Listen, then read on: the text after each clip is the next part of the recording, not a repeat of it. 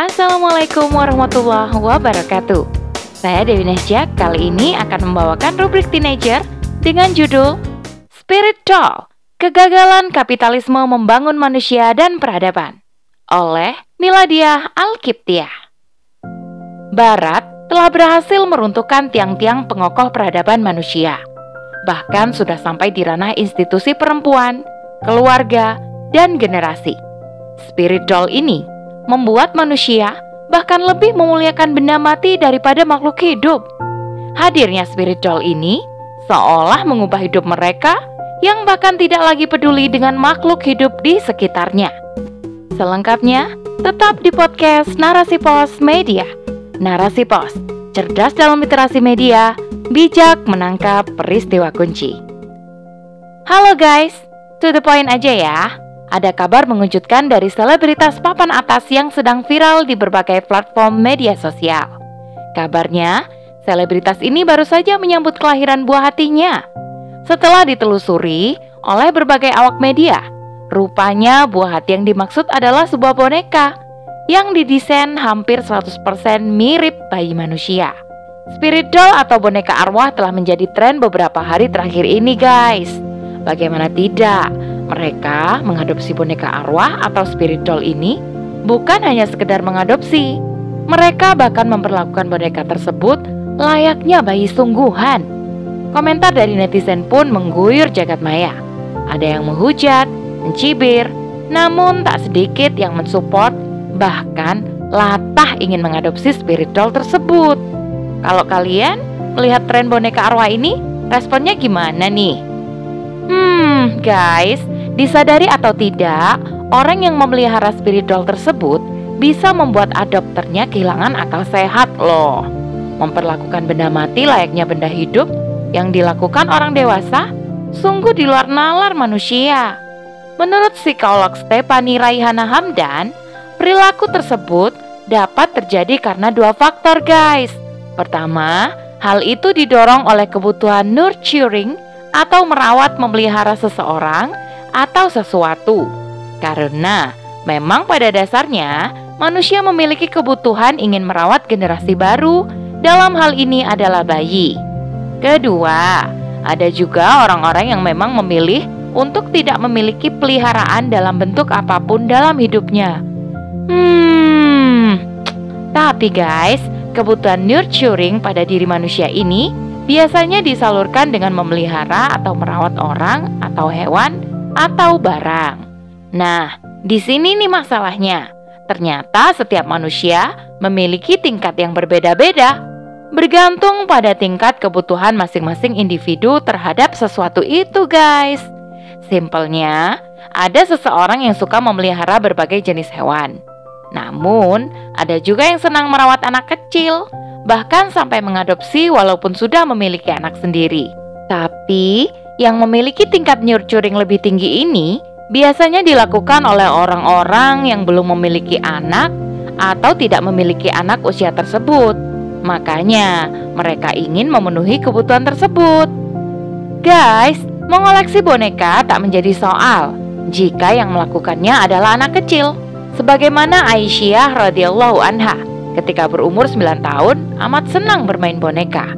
Tapi jika bermain boneka tersebut dilakukan oleh orang dewasa, bahkan memperlakukan boneka layaknya anak manusia sungguhan, tentu dampaknya akan berbahaya. Apalagi sudah terjerembab dalam ruang halusinasi. Ngeri banget gak sih? Hmm, biar kalian makin percaya, simak juga nih penuturan psikolog dari Universitas Gajah Mada, Kuncoro yang mengatakan bahwa ketika orang yang memelihara boneka arwah kemudian bersikap seolah boneka itu anaknya sendiri, maka ini sudah tergolong masalah. Apalagi jika sampai membentak atau memarahi orang yang menyebut boneka itu benda mati. Hmm, seperti selebritas itu loh guys, yang membentak sahabatnya karena menyebut anak yang diadopsinya itu hanyalah sebuah boneka yang nggak akan bisa gede. Ya iyalah, nggak bisa gede. Namanya juga boneka benda mati. Lanjut Kencoro menyebutkan perilaku tersebut bisa dikaitkan dengan gangguan psikologis displacement guys. Artinya orang tersebut mengalami gangguan pada sikap atau dalam dirinya yang ditunjukkan dengan emosi, kemudian disalurkan ke orang lain atau benda lain, sama sekali tidak melakukan perlawanan alias manut wae. Hati-hati ya guys, efek psikologi dari kepemilikan boneka arwah ini bisa sangat buruk bergantung dari seberapa jauh emosi yang terikat antara adapter dengan bonekanya. Padahal, sebagai manusia normal, seharusnya keterikatan emosional kita pada idroksilah bilah saja ya guys. Fenomena adopsi boneka arwah atau spirit doll ini harus segera dihentikan. Kalau tidak, bisa jadi akan memberi dampak yang lebih besar dan bahaya pada psikologi seseorang jika ia tidak memberi ruang batas antara real life mereka dengan kehidupan khayalan. Parahnya guys, orang itu tidak akan bisa membedakan mana kehidupan hayalan maupun nyata. Iya, Rob. Boneka arwah ini diklaim bisa mendatangkan fortunes seperti karir atau profesi, kesehatan, dan lain-lain loh. For your information aja nih guys, Spirit Doll itu kali pertama muncul di Thailand sekitar tahun 2014. Mereka menyebutnya Look Tap atau malaikat anak yang biasa didandani diberi makan dan diberlakukan layaknya manusia biasa. Mereka yakin bahwa Luktep mengandung roh anak sungguhan yang harus diperlakukan selayaknya makhluk hidup. Kita semua tahu kan guys, kalau budaya Thailand itu sangat kental dengan tradisi spiritualnya. Nah, keberadaan Luktep ini disinyalisasi selaras dengan mayoritas kepercayaan masyarakat Thailand yang masih menganut animisme dan dinamisme. Mereka kan yakin banget kalau roh jahat bisa mendatangkan mara bahaya. Hmm, untuk menangkalnya, mereka pakailah look tab ini sebagai sarana yang bisa mendatangkan keberuntungan. Duh, duh, duh, duh, duh, parah nih guys. Beda lagi nih dengan Barat. Barat justru mengenal spirit doll sebagai boneka altar yang biasa diletakkan di altar untuk menjadi sarana alat persembahan seperti yang dikutip di laman The Modern Pagan. Spirit doll hanya bisa ditempati oleh satu arwah saja. Seseorang harus melakukan serangkaian ritual terlebih dahulu untuk menghidupkan arwah tersebut. Hmm, ini benar-benar bentuk penyesatan yang nyata, guys. Seharusnya sebagai muslim, nggak boleh latah dengan perihal yang bukan menjadi tradisi kaum muslim. Apalagi hal itu menyangkut persoalan akidah. Ya Robbana. Guys, aku kasih tahu ya. Mau itu Thailand kek, barat kek, mungkin bagi mereka memelihara boneka sebagai anak adalah hal biasa, tapi tidak bagi kaum muslimin. Secara tidak sadar, ini bentuk pendangkalan akidah. Make your mind lost, membuat kamu berhalusinasi sampai pada gangguan psikologi. Pada akhirnya, tren ini mengarah pada kampanye marriage phobia. Bahkan manusia tidak lagi menginginkan kehamilan. Why did I say like that? Karena maraknya spiritual ini sesungguhnya merenggut naluri nau yang telah Allah anugerahkan kepada kita sebagai potensi untuk mencintai dan melestarikan yang namanya keturunan. Guys, orang-orang pasti ogah memelihara dan mengasuh anak manusia sungguhan. Lebih parahnya lagi, Kehadiran spiritual ini akan melenyapkan naluri dan peran keayahan serta peran keibuan kita. Kalau sudah begini, laki-laki dan perempuan yang tadinya bersemangat untuk menyempurnakan separuh agama, akhirnya seolah tidak siap secara mental menjadi sosok orang tua. Nah, uzubillah min zalik. Tarik nafas dulu guys. Hmm, memang benar ya, sebuah way of life yang orientasinya hanya dunia atau bahkan menganggap setelah kehidupan dunia berakhir tak ada lagi kehidupan setelahnya, pasti akan menganggap semua yang terjadi di dunia ini sudah takdir. Mereka tidak paham bahwa ada wilayah di mana manusia diberi kebebasan untuk memilih dan menjalani aktivitas kehidupannya. Bebas memilih di sini gak boleh semau gue guys. Bagi umat Islam, sudah tentu punya aturan baku yang menjadi pedoman dalam menjalani kehidupannya. Inilah yang menjadi penentu way of life manusia. Sebagai umat Islam, way of life kita tentu bukan tren yang terjadi di barat ataupun di Thailand. Akan tetapi guys, Ia berasal dari Sang Pencipta dan Pengatur kehidupan manusia. Dialah Allah yang merancang seperangkat aturan yang kita kenal dengan sebutan syariat Islam. Syariat Islam ini wajib dijalankan oleh umat yang berakidah Islam. Ibarat dua sisi mata uang, akidah dan syariat Islam itu tidak bisa dipisahkan. Ia akan selalu berjalan beriringan, menuntun manusia pada way of life yang sesungguhnya.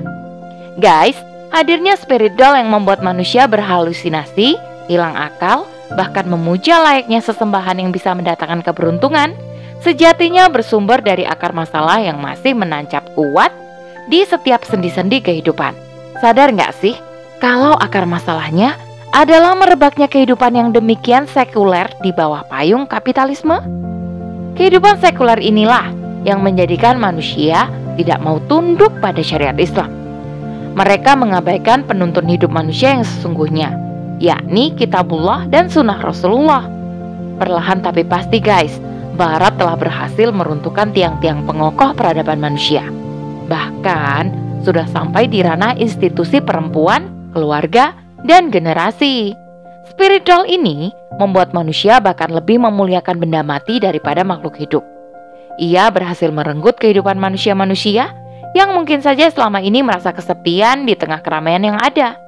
Namun, hadirnya spiritual ini seolah mengubah hidup mereka yang bahkan tidak lagi peduli dengan makhluk hidup di sekitarnya.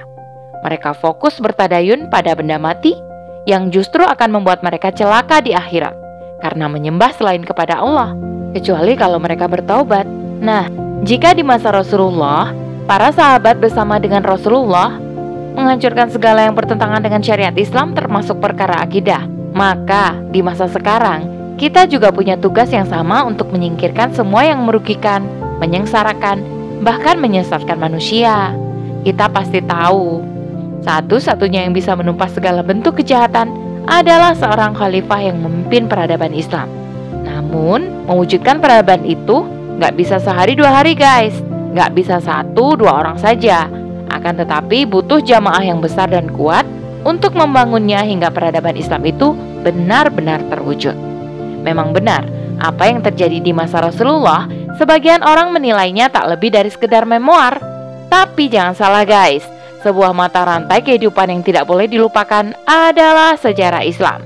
Begitu banyak ibroh dan pelajaran berharga yang bisa diambil untuk merancang kehidupan masa kini dan bagi kehidupan yang akan datang. Nah, Demikian juga sejarah peradaban Islam. Guys, sebagai generasi milenial, kita harus kuasai dengan benar bagaimana sebuah peradaban itu tumbuh dan berkembang menjadi kiblat dunia. Tujuannya apa? Agar mereka tahu bahwa Islam pernah bangkit dengan berbagai kegemilangannya yang sudah pernah diraih oleh umat terdahulu. Saatnya generasi milenial menyadari dan memahami syarat dan ketentuan kejayaan sebuah peradaban, serta menggali bagaimana menemukan cara dan metode untuk membangun dan menghadirkan peradaban Islam di muka bumi. Jika mereka fokus memelihara spirit doll, maka generasi milenial fokus membekali diri dengan ilmu dan sakofa yang benar tentang peradaban Islam. Bekal ilmu ini akan mendorong mereka turut berperan aktif dalam perjuangan melanjutkan kehidupan Islam. Membangun peradaban adalah harapan mulia dan ini bukan hanya harapan kita, namun harapan umat seluruhnya. Tentu saja, harapan mulia ini harus diwujudkan dengan bersungguh-sungguh dan serius untuk merealisasikannya. Hingga umat Islam bangga dengan identitas keislamannya, bangga dengan peradaban Islam yang tengah diperjuangkan, hingga kita berhasil mewujudkan kembali gelar khairu ummah dalam naungan peradaban Islam. Wallahu alam bisawab. Demikian rubrik teenager kali ini, sampai bertemu di rubrik teenager selanjutnya. Saya Dewi Nasyak undur diri. Afu minkum. Wassalamualaikum warahmatullahi wabarakatuh. See you.